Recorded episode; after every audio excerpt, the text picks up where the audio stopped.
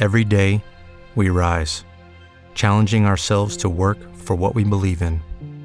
At U.S. Border Patrol, protecting our borders is more than a job, it's a calling. Agents answer the call, working together to keep our country and communities safe. If you are ready for a new mission, join U.S. Border Patrol and go beyond. Learn more at cbp.gov/careers. Dit programma wordt mede mogelijk gemaakt door Toto. Het is zover, we zitten in de heilige Vlaamse wielenweek en dat betekent dat het bijna beurt is aan de Ronde van Vlaanderen. Zondag is het zover en in deze aflevering gaan we het daar uitgebreid over hebben. Maar we gaan het ook nog hebben over slecht nieuws van Nederlandse bodem en dan gaan we het hebben over motors, Jury. Ja, de hele Nederlandse wielersport staat een beetje in brand. Nu dat ook eh, Jumbo zich mogelijk als hoofdsponsor terugtrekt van eh, eh, de Nederlandse topploeg Jumbo-Visma. Dus de Nederlandse, het Nederlandse wielrennen verkeert misschien wel een beetje in een zorgelijke staat. Zo is dat helaas. We gaan het hebben over politiemotaars, maar we beginnen de aflevering met het Jumbo-nieuws en wat dat voor invloed gaat hebben op Jumbo-Visma.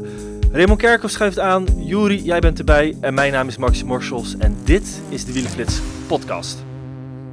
De laatste jaren hebben we heel wat historische edities van Dwars door Vlaanderen gezien. Eh, de ene keer door mooie solo's van eh, Mathieu van der Poel. Eh, vorig jaar bijvoorbeeld nog door eh Pogacar, die daar toch behoorlijk pijn werd gedaan in de Vlaamse heuvels. En de editie van dit jaar is misschien wel een historische editie. Niet om wat we in koers hebben gezien, maar vooral om wat er na de koers bekend werd. Of dat zo is, dat gaat de toekomst eigenlijk nog moeten uitwijzen. Maar ik heb het over Jumbo-Visma. Ehm, de sponsor heeft aangekondigd, of nog niet, dat moet een beetje duidelijk worden. Dat ga ik zo meteen aan jou vragen, Raymond.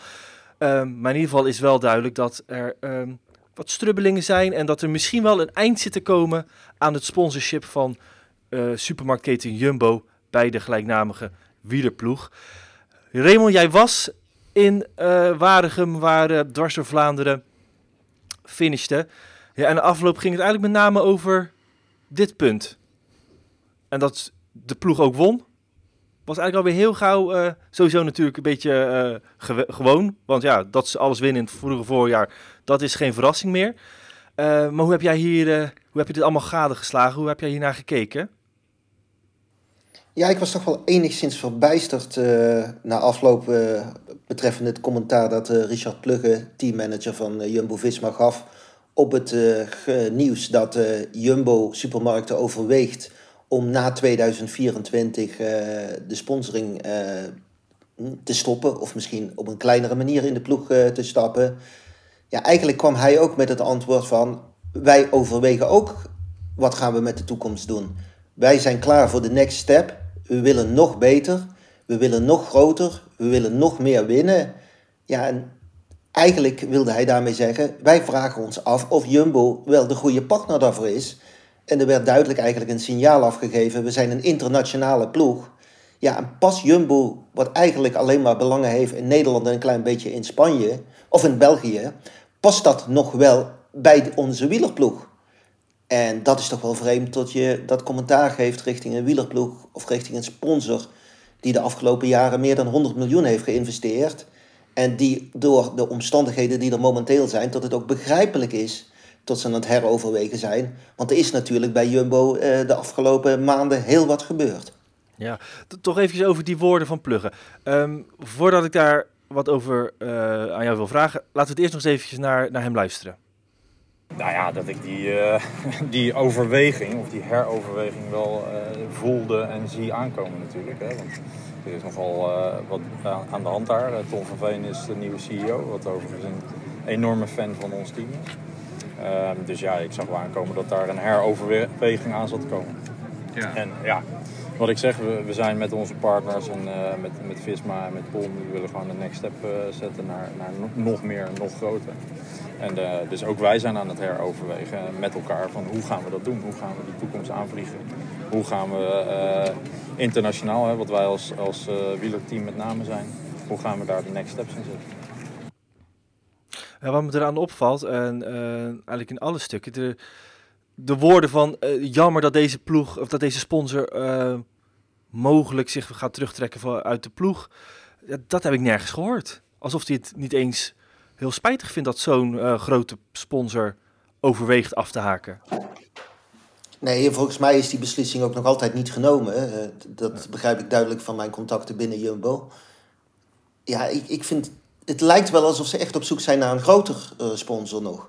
En ik denk dat je Jumbo met al hun contacten mag inschatten op een 15 à 20 miljoen euro wat ze in de ploeg uh, inbrengen. Ja, dat is toch nogal een gat wat je moet gaan overbruggen met een andere sponsor.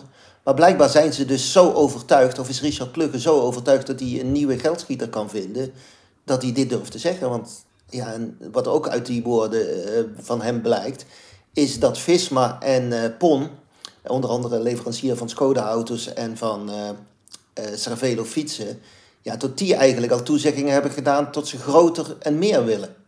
En ja, ik weet ook niet of dit het juiste moment was om zoiets te zeggen, want uh, je wint eigenlijk vijf klassiekers in Vlaanderen op rij door uh, de concurrentie totaal zoek te, te rijden. Ze hebben zo overtuigend gereden.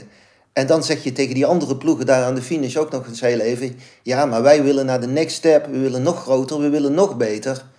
Ja, dat, daar zit toch wel een bepaalde arrogantie in ik snap dat je vooruit wil.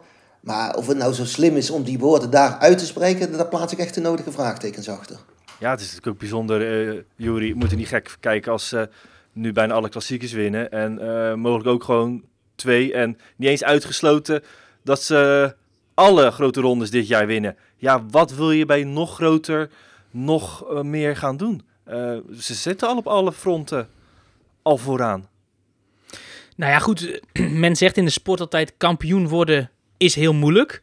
Kampioen blijven is nog veel moeilijker. Nou, die taak ligt er nu bij Jumbo Visma. Um, en ja, wat het al zegt, dat is dus nog moeilijker. En de ploegen om hun heen zullen niet stilzitten. En ja, als jij zelf het gevoel hebt dat je uh, budgettechnisch omhoog moet.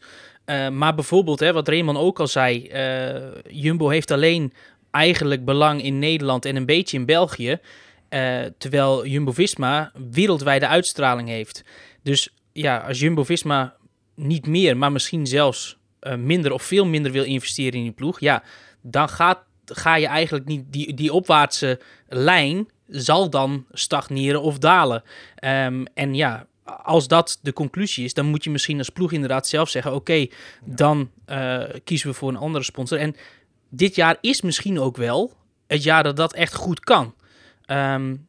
Hè, ze spreken zelf dus over een internationale ploeg. Eigenlijk zeggen ze dat al een paar jaar. Hè. We zijn een internationale ploeg uh, met een Nederlandse kern. Ik ben heel benieuwd of dat zo blijft met een nieuwe sponsor. Um, en wat ik zei, dit jaar is misschien wel het ideale jaar om dat te doen. Um, want best veel renners zitten met een aflopend contract. Ik zal ze even eh, allemaal benoemen. Dat zijn Robert Geesink en Steven Kruiswijk en Jos van Emden. Echt anciens van de ploeg. Um, is het de vraag, gaan die nog allemaal door? Uh, dan heb je uh, Sam Ome en Gijs Leemreizen, die toch al her en der hebben geuit dat ze misschien wel twijfelen of ze willen blijven vanwege de geringe eigen kansen. Timo Rozen is kind van de ploeg, um, maar ja, is misschien ook niet meer van het kaliber wat ze graag zien bij de ploeg. Nou, Olaf Kooi staat buiten discussie, die zullen ze heel graag willen verlengen. Rowan Dennis stopt. En dan heb je nog Tobias Vos, die ook al zijn twijfels geuit heeft. Eduardo Affini, die ik denk op zijn plek zit. Tosh van der Zanden, die inwisselbaar is. En Christophe Laporte. En ja, na zijn voorjaar kan ik me heel goed voorstellen dat er een heleboel andere ploegen zijn die hem als solo-kopman willen aantrekken. Dus dit zijn best heel veel namen die vrij zijn en waardoor ze dus eigenlijk opnieuw kunnen beginnen en dan niet eens die Nederlandse kern hoeven te houden. Vooral ook omdat er drie jongens al uit de opleidingsploeg aangetrokken zijn. Twee Noren, Perstrand Hagenes en Johannes Stornemietet. En alleen Lou van Bellen als Nederlander. Dus als er een mogelijkheid is, dan is het misschien wel dit jaar. Ja, maar wat ik wel opvallend ook aan vind, is hij, Richard zegt, ik, uh, Richard Plugge zegt, ik voel het al, voel een beetje aankomen dat dit moment er mogelijk uh, nu aankomt dat, uh, dat Jumbo een stap terug wil gaan zetten. Um, de problemen waar jij naar refereerde, Raymond, is natuurlijk het, geval van het overlijden van uh, de oprichter van, uh, van Jumbo. En uh, de problemen waar Frits van Eert ehm, mee zit, die, die opgepakt is, of een tijdje heeft vastgezeten voor mogelijk witwaspraktijken. Daar loopt in ieder geval nog een zaak over. Dat, maar wel afgelopen winter zijn er twee toch dure Nederlanders alsnog aangetrokken met Kelderman en met Van Baarle. Om toch een beetje dat Nederlandse gezicht te behouden. Ja, ik vind dat dat dan toch niet helemaal met elkaar strookt. Of zit ik dan te ver te zoeken, Raymond?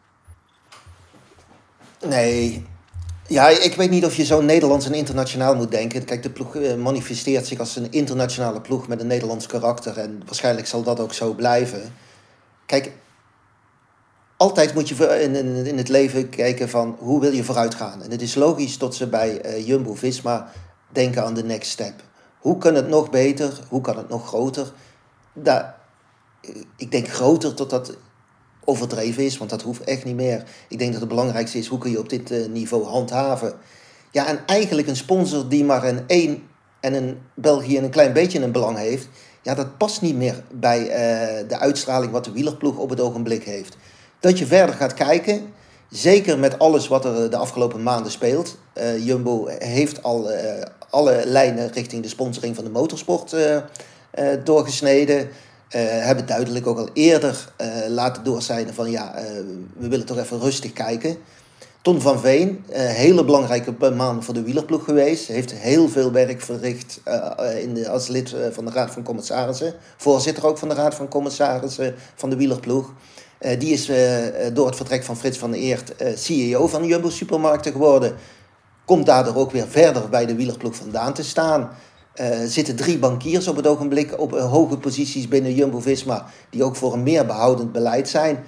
Dus dat Richard aanvoelde van, daar kan wel eens iets gaan gebeuren... en zeker nu het nieuws naar buiten is gekomen, er gaat ook iets gebeuren. Jumbo gaat gewoon kleiner of gaat helemaal verdwijnen uit die wielerploeg. Die conclusie kunnen we nu wel eigenlijk trekken. Dat is logisch. En dan is het voor Richard natuurlijk om in de week van Ronde van Vlaanderen... tot het wielrennen echt uh, enorm booming is in deze periode in april, is natuurlijk een ideaal moment om een signaal naar buiten te geven om een nieuwe internationale sponsor mogelijk te vinden. Kijk, eigenlijk wat er nu uh, gebeurt in de media is de beste advertentie om de hele wereld te laten weten: we zijn op zoek naar een nieuwe uh, hoofdsponsor. Ja, en wat dat betreft kan ik Richard helemaal begrijpen en dat hij meer internationaal wil gaan qua sponsoring, qua uitstraling. Ja, daar ben ik ook helemaal met hem eens. Alleen we moeten wel meer geld, alsof dat de oplossing gaat zijn. Daar plaats ik de nodige vraagtekens achter. We hebben bij Team Sky gezien, toen Ineos kwam, kwam er ook veel meer geld in. En er wordt nu al gesproken over 45, 50 miljoen bij Ineos. Maar als je naar de resultaten gaat kijken, waren ze met Team Sky met een kleiner budget uh, nog een stuk beter uh, de afgelopen jaren. Ja, ja uh, ondanks dat dus Jumbo mogelijk terugtrekt, maakt pluggen zich in ieder geval helemaal geen zorgen over de toekomst van de ploeg. klopt, maar dit project gaat echt nog wel door. En uh, dit project uh, hebben we opgestart. We zijn uh, echt in de, aan de vooravond van de volgende fase uit.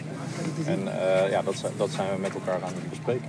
En dat is waar we mee bezig zijn. Ja. En dus nee, maar geen zorgen. Nee. Helemaal geen zorgen dus bij, bij pluggen. Um, tot slot, een nieuwe fase. Ja, wat, wat, wat zou dat dan nog meer kunnen zijn? Ik bedoel, ze hebben alles al op orde. Ja, dat, dat is een hele goede vraag. Dat zie ik ook niet zo. Kijk, dat pluggen zeg ik maak me geen zorgen. Iets anders kan hij ook niet zeggen. Als hij nu zegt van het is zorgwekkend, uh, ik weet het niet zeker.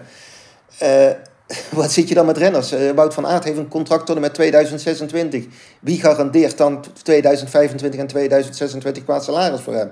Dus dat hij op het ogenblik rust moet uitstralen en zeggen dat het goed komt. Dat is het enige antwoord ook wat hij kan geven. Ja, anderzijds, er zitten natuurlijk genoeg sterke mensen omheen. We weten dat Pon nauw betrokken is bij, bij Jumbo-Visma. Nou, dat is echt een hele grote partij die ook hele grote partners kan aantrekken. In de Raad van Commissarissen zit ook Robert van der Wallen. Uh, op het ogenblik weer uh, de nieuwe eigenaar van Brand Loyalty. Een bedrijf dat al eerder grote uh, sponsor was, of grotere sponsor was binnen Jumbo-Visma. Dus wat dat betreft zitten er sterke personen om hem heen om een nieuwe sponsor te vinden. Ja, en ook de resultaten beter dan op het ogenblik hoe ze op het nu scoren. Ja, een beter visitekaartje is er niet om een nieuwe sponsor aan te trekken. Dus wat dat betreft zou ik in zijn positie ook best wel zelfverzekerd zijn van denken er gaat iets komen. Alleen het moet wel nog gebeuren. Hè? Bij, Patrick Lefevre, die heeft ook jarenlang op het hoogste niveau uh, de nummer 1 van de wereld geweest, de meeste overwinningen geboekt. Maar als je kijkt wat voor een struggeling voor hem het ook steeds was om een nieuwe hoofdsponsor te vinden, om dat budget echt op peil te krijgen, ja, dan is het ook nog niet een ABC'tje voor Richard Plugge dat hij daarin gaat slagen. Nee, en ik, denk ook vooral dat die, die zoektocht naar een internationale sponsor ehm, ook nodig is. Want als we het, als het heel eerlijk plat slaan, de grootste successen de afgelopen jaren heeft Jumbo-Visma geboekt met buitenlanders. Met Wout van Aert, met Vingegaard, met nu Laporte, uh, met nu eigenlijk ook Benoot die het heel goed doet uh, dit voorjaar. Um, ja, en, en, met Roglic natuurlijk de laatste jaren. Ze moeten misschien ook wel, want als je kijkt naar bijvoorbeeld UAE of Ineos, ja, die doen het juist met een heel erg internationale ploeg. Um, en misschien moet Jumbo-Visma wel mee, want oké, we leven in een gouden tijd qua Nederland, uh, qua, qua wielrennen. Maar als je eigenlijk bekijkt dat al de scorende Nederlanders niet bij Jumbo-Visma rijden. En ik eerlijk gezegd ook uh, ja, voor de komende jaren dat niet meteen zien aankomen. Als ik bijvoorbeeld kijk naar de aflopende contracten van Nederlanders voor volgend jaar, dan spreek je over Fabio Jacobsen, dat is A-klasse. En voor de rest is het Danny van Poppel, Kees Bol, Antoine Tolhoek, uh, dat soort jongens. Waarbij ik alleen zie dat ze misschien iets zien in Ieder Schelling of een Daan Holen. Maar voor de rest, ja, dat zijn ook niet de toprenners die je vanuit Nederland wil aantrekken. Dus ik vermoed dat die kern eigenlijk steeds internationaal wordt, omdat ze dan uh, ja, kunnen blijven wedijveren met die grootste ploegen ter wereld. Ja, we gaan het zo meteen uh, nog verder hebben over de ploeg, maar dan in het kader van de Ronde van Vlaanderen. Voordat we dat gaan doen, eerst naar de prijsvraag van Ride Magazine. de vraag van vorige week was, de Koga Kinsai baanfiets werd speciaal voor de Olympische Spelen ontwikkeld. In welke stad vonden die Spelen plaats? Juri, jij had er de kans het goede antwoord te geven. Wat was het deze keer? Nou, Kinsei is volgens mij uh, Japans ergens voor. Dus ik vermoed dat dat Tokio geweest nou, is. Nou, als je, je dat antwoord had ingestuurd, had je zomaar kunnen winnen, want dat is het juiste uh, antwoord. Na loting onder alle goede inzenders is de prijs gewonnen door Pavel Spuibroek. Uh, gefeliciteerd, jij krijgt de Ride Zomergids thuis gestuurd. Zodra die uit is, dat zal ergens eind mei zijn.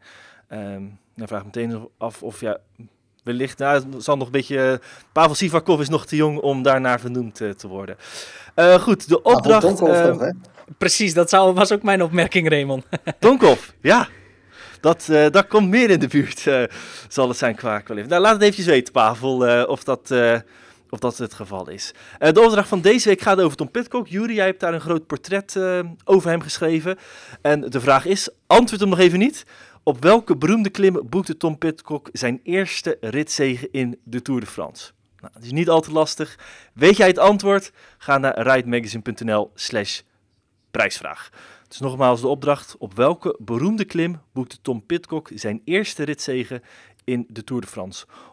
onder alle inzenders uh, maken we teven, die maken tevens kans op een uh, jaarabonnement. En wil je ride bestellen? Dat kan met kortingscode podcast. Krijg je 2 euro korting. Het volgende segment in deze aflevering is het best gelezen bericht. Afgelopen week uh, werd ook nieuws bekend van nationale bodem. Uh, slecht nieuws, namelijk de nationale politie die neemt een, heeft een drastisch besluit genomen. Wat wel eens een ramp voor het Nederlandse wielrennen kan zijn. Uh, want ze gaan nog minder politiemotards beschikbaar stellen voor wielrenwedstrijden. En zeker voor wedstrijden uh, die uh, in, een rit in lijn hebben, um, ja, ben je zonder motoragenten nergens. Want dat zijn nog tot nu toe de enige die de weg mogen afzetten. Juri, we zijn hier afgelopen weken in gedoken. Je hebt er al een eerste artikel over geschreven. Um, dit was al iets wat al een tijdje bekend was. Maar ja, hoeveel erger wordt het probleem nu met dit besluit? Nou ja, goed, het, is, uh, het levert meteen een acuut probleem op. Omdat er een uh, probleem is in het derde weekend van mei. Dan vinden er een verschillende wedstrijden plaats in Nederland. Onder meer Veenendaal, Veenendaal, um, de omloop der Kempen uit de topcompetitie. En de hoog aangeschreven juniorenkoers drie dagen van Axel. Um, en daarvoor zijn te weinig motards uh, beschikbaar. Dus er wordt op dit moment is er een acuut probleem voor dat weekend, want er zijn niet genoeg. Dus mogelijk komt één van die koersen te vervallen of wordt die verplaatst. Um, maar uh, nou ja, eind 2020 zijn eigenlijk de KWU en de politie om tafel gegaan om alles in te vullen voor dit jaar. Nou, dat is gelukt. en dat kan ook zo blijven. De rest van het jaar zijn daar op dit moment eigenlijk geen voorziene problemen, behalve dus dat weekend. Maar voor volgend jaar is er dus een heel aantal motards minder beschikbaar. En ja, als er niet heel snel een oplossing uh, volgt, hebben we volgend jaar inderdaad misschien wel een uh, nou ja, uh, gehalveerde kalender.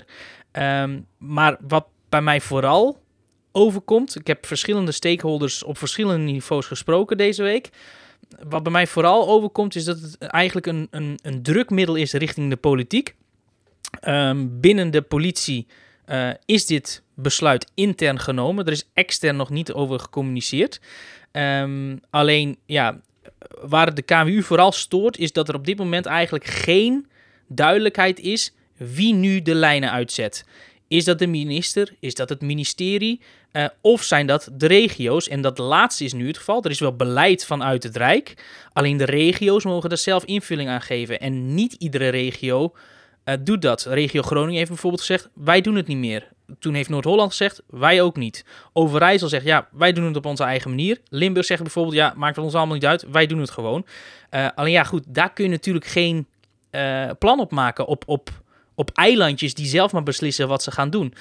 dus eigenlijk, wat eigenlijk nu de, de, de hamvraag is: wie heeft nu de bevoegdheid en, en ja, bepaalt wat die motards moeten en kunnen doen? En zodra daar duidelijkheid over is, kunnen ze ook gericht schrijven: oké, dit gaat er mis en, en los het maar op. Ja, het onderliggende probleem is met name dat er gewoon een gebrek aan capaciteit is. Dat ook mede door corona, uh, bijvoorbeeld de opleiding richting motards die wielenwedstrijden mogen volgen of mogen begeleiden, dat die stil komen te liggen. Het is een beetje technisch verhaal, daar gaan we in komende artikelen nog uitgebreid over door, want dit is een onderwerp wat we in ieder geval echt uh, vastpakken, want het is heel uh, belangrijk ook voor de toekomst van uh, de Nederlandse wielersport. En willen we nieuwe Dumoulins en Van der Poels in de toekomst zien en daarvan genieten, ja, dan, is, dan zijn wielerwedstrijden nodig. Maar die moeten wel georganiseerd kunnen worden. Het is nu zo, je hebt vier categorieën. Politiemotaars, waarvan de hoogste categorie is, is C1. Die kunnen een extra brevet halen voor wedstrijden, dan worden ze C2. Dat is dus maar een heel select groepje.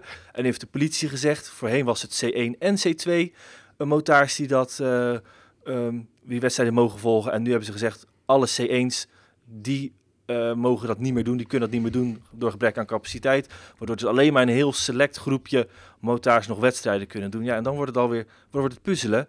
Um, ook doordat er steeds meer, uh, steeds groter beroep wordt gedaan op uh, politie Ook door de toename van persoonsbeveiliging in Nederland, demonstraties, voetbalwedstrijden. Er zijn allemaal motards voor nodig. En ja, dan kom je tot de conclusie dat de wielersport gewoon ja, niet altijd cruciaal is. Dat kan gemist worden. En ja, daar dreigt de sport een beetje kind van de rekening van te worden. Um, nu zijn er ook initiatieven die door de KNWU en uh, aanverwante bonden uh, worden opgezet, of en verenigingen om uh, in te zetten om wegen af te zetten. Maar goed, daar zijn wetswijzigingen voor nodig. En daar stropt het ook nog een beetje het proces. Daar, nou, mensen die ik erover sprak, die zeiden al van, er is echt een beetje tegenwerking of niet te wil om uh, de wet aan te passen. Of in ieder geval daar bewegingen in te gaan maken.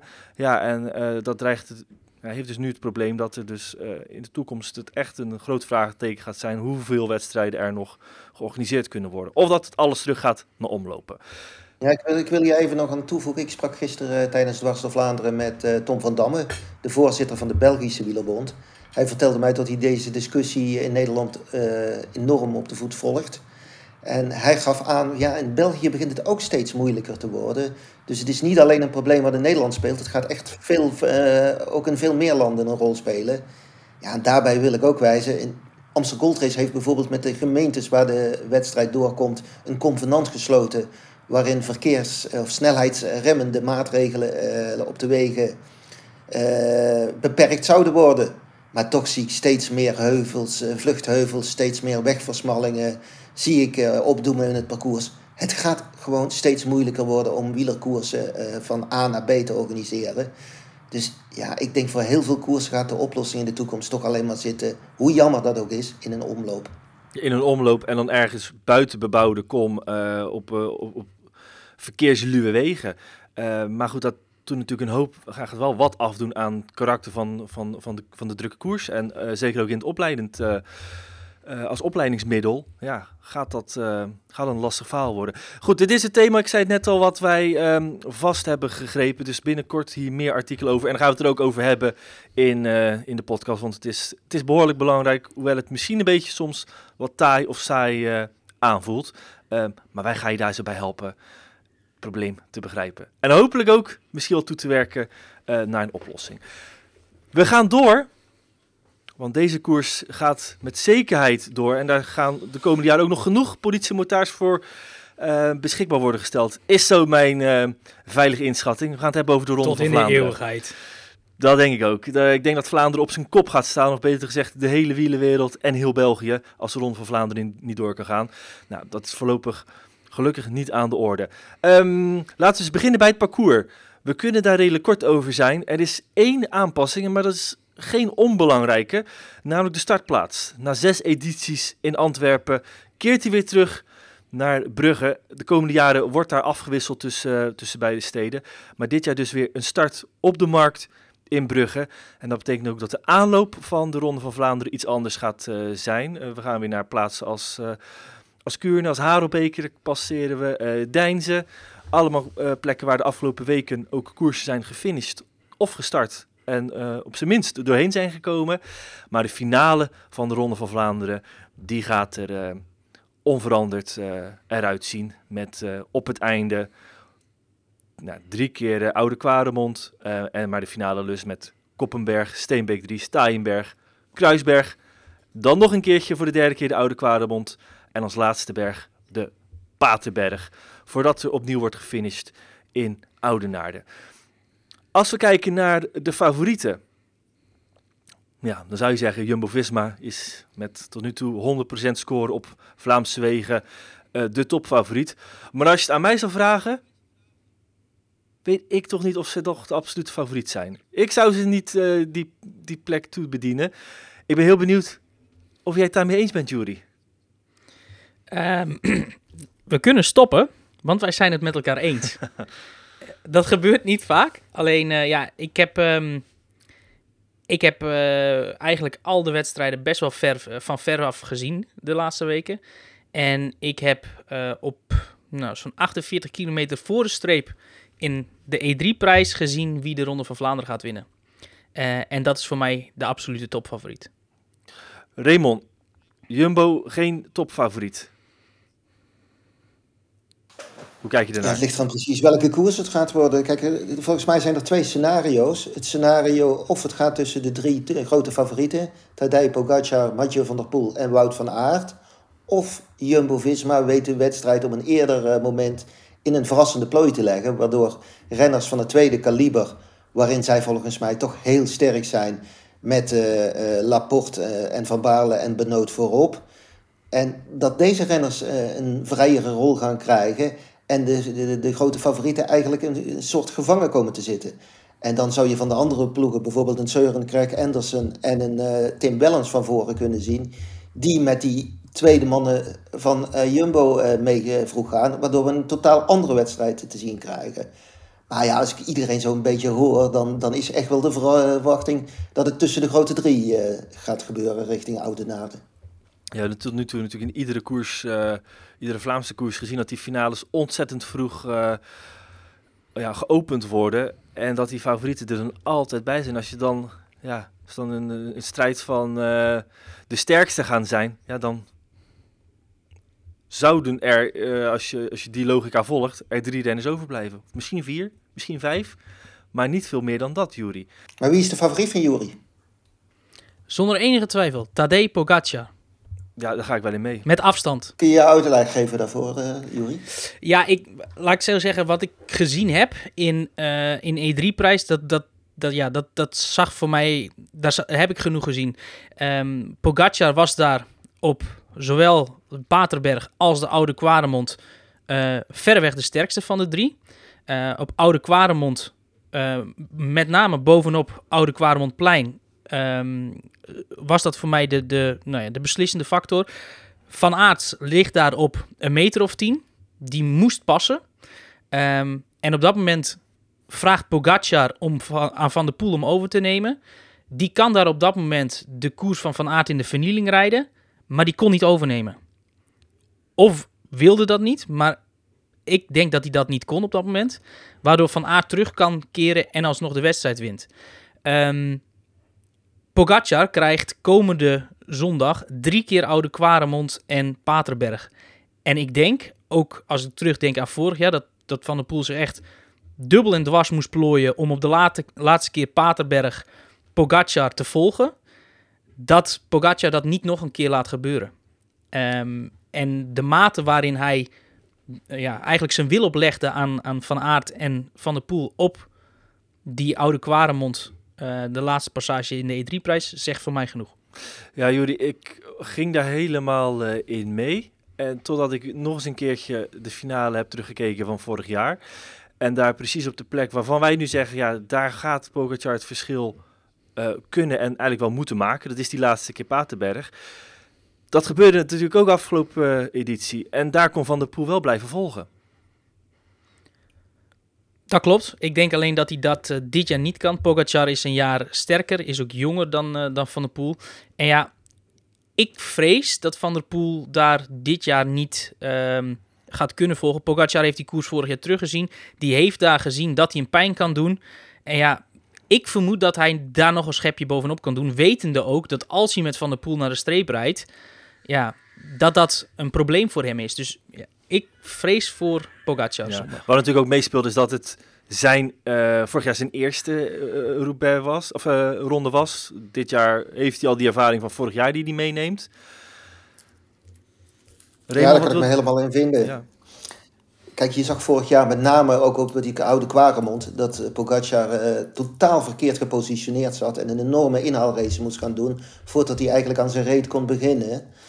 Ja, in Harelbeke is uh, afgelopen uh, vorige week vrijdag uh, weer duidelijk geworden dat de oude Kwaremond en de Paterberg, dat die alle twee eigenlijk op het lijf van Pogacar geschreven zijn. Hij is gewoon van alle renners, op die twee klimmen is hij het beste. In Harelbeke lukt het dan niet om Van Aert en Van der Poel er vanaf te rijden. Maar dat is ook weer te begrijpen, want in de Ronde van Vlaanderen komen die klimmen pas na 250 kilometer. Hebben ze een stuk meer koershardheid gehad, is iedereen een stuk vermoeiender. Ja, en dan zijn die bergen net wel lang genoeg en net zwaar genoeg volgens mij voor Pogacar om wel dat verschil te maken. Anderzijds, als we Hagelbeek als graadmeter nemen, ik heb het gevoel dat Van der Poel en zeker Van Aert alleen maar sterker aan het worden nog zijn richting uh, Ronde van Vlaanderen en Parijs-Roubaix. Terwijl Pogacar toch al een hele tijd op een heel hoog niveau zit en daar ik niet het gevoel heb van dat hij nog een procent of twee procent beter kan gaan worden. Dus voor mij is het een beetje afwachten van... hebben Van der Poel en Van Aert richting de Ronde van Vlaanderen... die extra procentjes nog gezet? Ja, die vraag is vooral eh, interessant bij uh, Wout van Aert. Die heeft, net als de andere twee, uh, dwars door Vlaanderen niet gereden. Maar reed wel Gent-Wevelgem in heel slechte omstandigheden. Regen, kou. Je weet, je weet het, de verhalen uit het verleden van toch troep wat ze binnen hebben gekregen wat door het opspattend water uh, ja, omhoog is gekomen. Weet je, dan gaan we zondag pas, pas zeker weten. Maar hoe heeft hij daar ook echt een jasje moeten uitdoen? Of heeft hem juist zo'n aanslag op het lichaam en daarna een aantal dagen rust hem juist uh, een soort van supercompensatie uh, geboden? Wat is jouw inschatting, Jury? Ja, nou, ondertussen is mijn oudste dochter het niet helemaal mee eens met hoe het uh, hier gaat. Maar uh, nee, ja, goed, ik vind het lastig om te zeggen. Want als je toch ziet Vorige week uh, Gent-Wevergem in regenachtig, beesten weer geweest. E3 was het ook niet florissant weer. Um, Benoot heeft keelklachten gehad, als we mogen geloven. Olaf Kooi reed in Gent-Wevergem ook met de bisten mee, maar moest in dwars door Vlaanderen ziek opgeven. Van Balen viel wel in E3 uh, en daarvan wordt gezegd, ja, hij heeft te veel last daarvan en heeft daardoor dwars, uh, dwars door Vlaanderen overgeslagen. Is dat zo? Is natuurlijk een makkelijker uitleg, maar is hij misschien niet ziek? Nu speculeer ik wel, alleen ja goed, het zou natuurlijk zomaar kunnen. We moeten maar afwachten of Van Aert helemaal vrij uit, uh, uit die twee wedstrijden gekomen is, uh, ziektevrij. Ja, je uh, slaat wel één renner over waarvan we toch kunnen stellen dat die geen negatieve naslag van Gent-Wevelgem heeft gekregen. Met Laporte die andermaal toonde, of nou, eigenlijk nu toonde wel de allerbeste in de koers te zijn. En die... nee, die was uh, toch ook in goede doen. Uh. Nee, dat klopt. Dat is eh, zeker gisteren. waar. Dat is zeker waar. En misschien spelen ze hem juist ook wel eh, uit als kopman. Al vind ik dat lastig. Eh, maar goed, voor mij is er eigenlijk maar één scenario voor zondag. Normaal heb je honderdduizend scenario's, maar volgens mij is er maar één. Ehm, ik denk dat er heel vroeg wordt geopend door dan wel Pogacar of dan wel Van der Poel. eh, om die andere twee uit de kot te lokken. En om daarvoor eigenlijk eh, het tactische spel van Jumbo voor te zijn. eh, die natuurlijk willen gaan spelen. Ehm, waardoor de koers misschien nog wel vroeger openbreekt. Ik moet in één keer denken aan ehm, eh, de opening van Benoit Cosnefroid op het WK in Leuven. Die begon er op 180 kilometer van de streep aan. Het was al een serieuze naam in dienst van Alaphilippe om ook maar de Belgen te breken. Ja, dat is eigenlijk de enige manier waarop Jumbo-Visma nu op dit moment de koers naar hun hand kan zetten. Punt is, wie offert zich op? Van Aert, Benoot of Van Balen? Eh, van Baart, niet Van bedoel ik, bedoel Laporte. Wie van die drie oefent zich op om de koers naar hun hand te zetten? Dat is een goede vraag. Ehm, je zou kunnen zeggen dat eh, Laporte de eerste is die eh, wat terug te betalen heeft. Ehm, maar wat ik nog wel een interessantere vraag vind, Jury. Jij zegt, eh, ik zie maar één koersscenario, maar hoeveel outsiders zie jij? Ook niet zoveel, eerlijk gezegd. Ehm, want die huizen maar, in mijn ogen, bij drie ploegen. En dan heb ik het over het blok Ineos Grenadiers, waar ik toch Pitcock echt heel erg goed vond in Dwars door Vlaanderen. Niet meteen op de afspraak, maar dat hoeft ook niet in Dwars door Vlaanderen. Uh, Narvaez maakte daar opnieuw een heel goede indruk. Maar goed, winnen een Ecuadoraan in de Ronde van Vlaanderen lijkt me niet. Uh, vraagteken is ook Ghana. Start hij wel of start hij niet? Was toch ook tiende in E3-prijs. Dan hebben we toch in één keer een heel sterk blok bij IF gezien. In Dwars door Vlaanderen. Met Nielsen Paulus, die derde werd. En zichzelf Dark Horse noemt voor de Ronde van Vlaanderen. En ook Honoré. Uh, terwijl ook Bettiol zich daar gespaard heeft. Toch ook een ex-winnaar. Um, en dan hebben we Koen en Madouas bij Groupama FDG. Die ook weer sterk zijn dit voorjaar. En natuurlijk vorig jaar ook 3 en 5 werden. En dan is er nog Mohoric. En dat zijn eigenlijk voor mij de enige outsiders. Uh, plus dat Alpecin de Koning met Søren Krauw Andersen de sleutel in handen heeft voor Jumbo-Visma. En uh, in de categorie uh, Stefan Koen hou jij al geen rekening? Jawel, met Madouas. Met Madouas, oh ja, natuurlijk. Um, ja, ik denk ook dat het heel belangrijk gaat worden van hoe dat koersverloop gaat zijn. Kijk, als die renners van de tweede lijn bij Jumbo-Visma de vrijheid gaan krijgen... als Laporte, Benoot en Van Balen, om ze weer op te noemen... als die eerder weg mogen gaan met een groepje... ja, kijk, daar kunnen heel wat renners bij zijn... en dan kan het een hele vreemde koers gaan worden... op het moment dat UAE en uh, Alpecin ook een mannetje mee hebben... en de situatie zo prima vinden... Ja, dus de vraag gaat worden van, gaat het een koers tussen die drie worden? Dan gaat, gaat dit ook ongeveer het podium worden met die drie. Want ze steken echt met kop en schouders er uit. Maar op het moment dat de renners van de tweede lijn de vrijheid krijgen... Ja, dan gaan we een hele andere wedstrijd zien. Dan, dan, kunnen, dan kun je echt weer twintig namen gaan opnoemen... die bij toeval ook in die groep van voren zitten. En dan kan een Arno de Lier ook nog uh, tot heel ver volhouden. En ja, dan kunnen de meest gekke renners ook uh, weer in één keer heel sterk van voren komen. Trek Segafredo, voor mij een van de grote tegenvallers dit voorjaar. Maar als een Stuiven, als een Pedersen, als die mee in zo'n groep zitten... Ja, dan moet je ze niet uitsluiten. Bij Jumbo-Visma hadden ze, uh, sprak ik na afloop van E3 met ploegleider Arthur van Dongen. Die zei daar al, het woord, we gaan een andere tactiek aanhouden dan we hier in de E3 hebben gedaan. Maar de strategie voor de Ronde van Vlaanderen, die hebben we al klaar liggen. Toen moest Gent-Wevergem nog gereden worden. Toen moest Dwars Vlaanderen nog gereden worden. Het kan natuurlijk zijn dat ze een beetje een rookgordijn willen ophangen. Het, maar op de, manier hoe ze, ja, maar op de manier hoe ze nu rijden, kan het ook al daadwerkelijk uh, dat ze een ander plan hebben klaar liggen om de boel te verrassen. Want wat we tot nu toe hebben gezien is een strategie heel vroeg openen en eigenlijk met um, de tweede lijn, wat fantastisch sterk is bij Jumbo-Visma, al proberen de, de, de, rest in verdrukking te brengen. Ja, dat is wel wat we, wat we, wat we verwachten. Maar goed, hoeveel andere smaken hebben ze?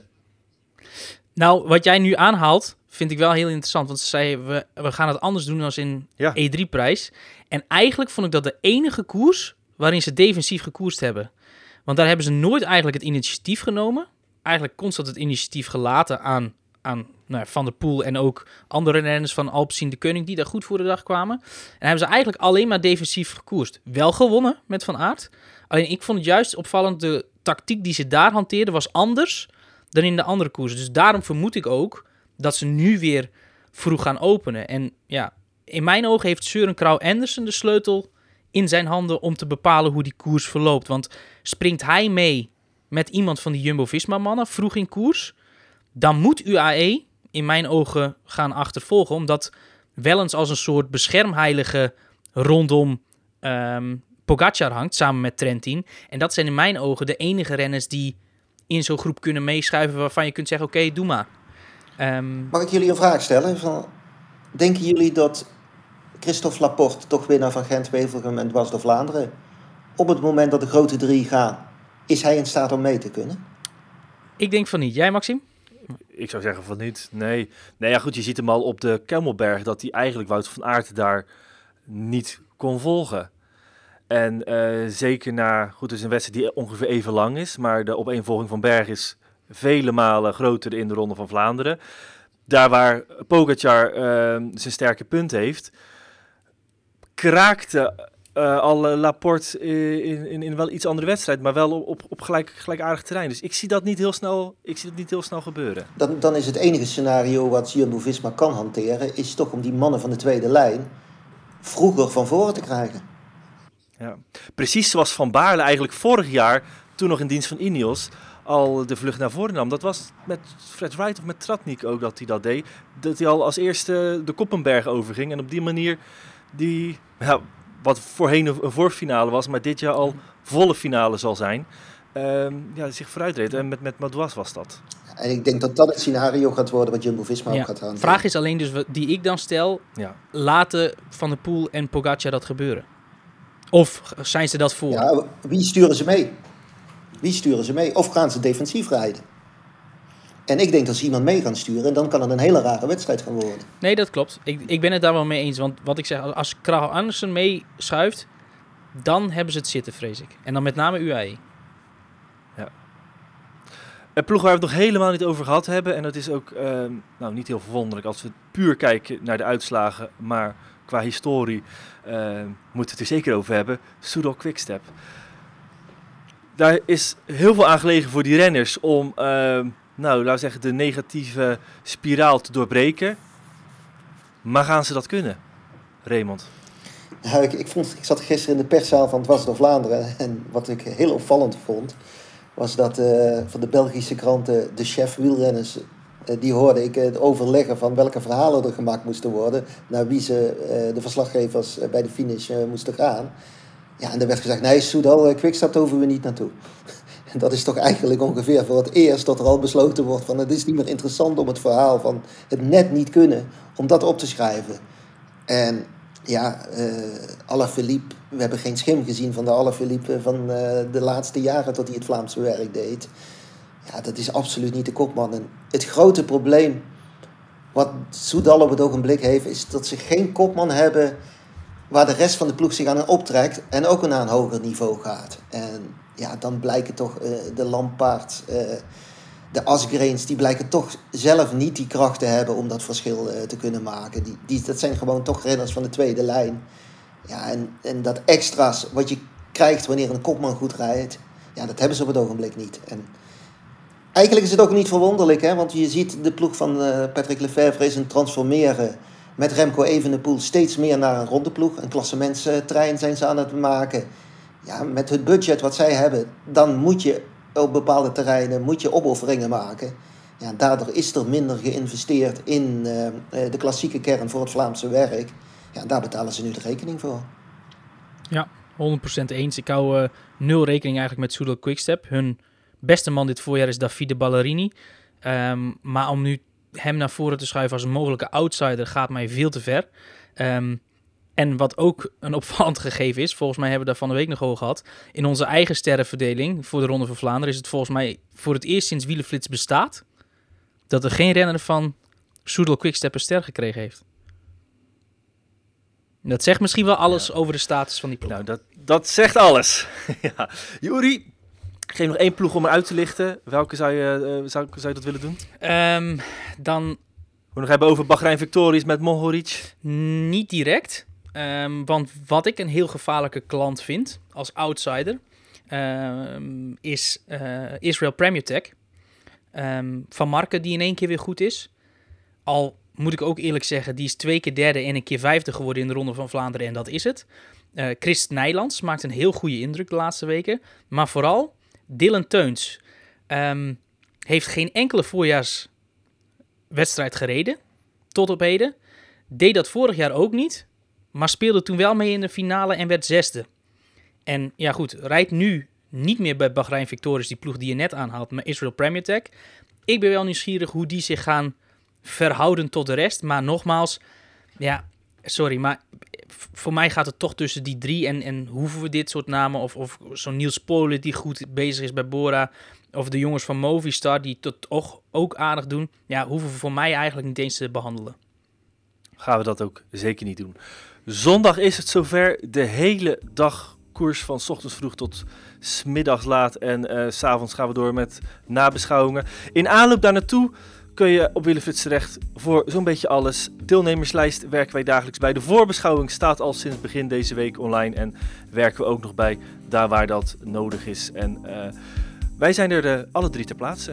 Zegen nemen ook nog mee, dus Wielenflitsers met een goede delegatie aanwezig om de afloop en ook tijdens um, ja, te zorgen dat jij niks hoeft te missen van de mooiste wedstrijd van het voorjaar. Want dat durf ik wel te zeggen.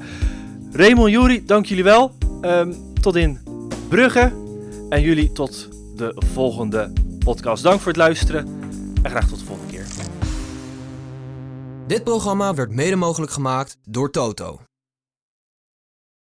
Are you struggling to lose weight and keep it off? Tired of wasting time and money on starvation diets that lead to more frustration and stress? If there was a weight loss solution that could actually work for you, would you try it? Then head to golo.com. I'm Steve. I lost 138 pounds in nine months on Golo. I'm Amber. I've lost 128 pounds with Golo taking release. If you're ready to take back control of your life, head to golo.com now and see how Golo can work for you. That's G O L O.com. My sleep is way better. My inflammation has gone way down. Golo saved my life. I was way overweight. That's what sent me down the path. I wanted to make sure and live for my kid. I have literally tried everything. I was on the verge of getting gastric bypass surgery, and I saw the Golo commercial, and it was the last thing I tried because it worked. Join over 2 million people who have found a better way to lose weight with Golo. Your healthier and happier life begins at golo.com. That's G O L O.com. Again, G O L O.com.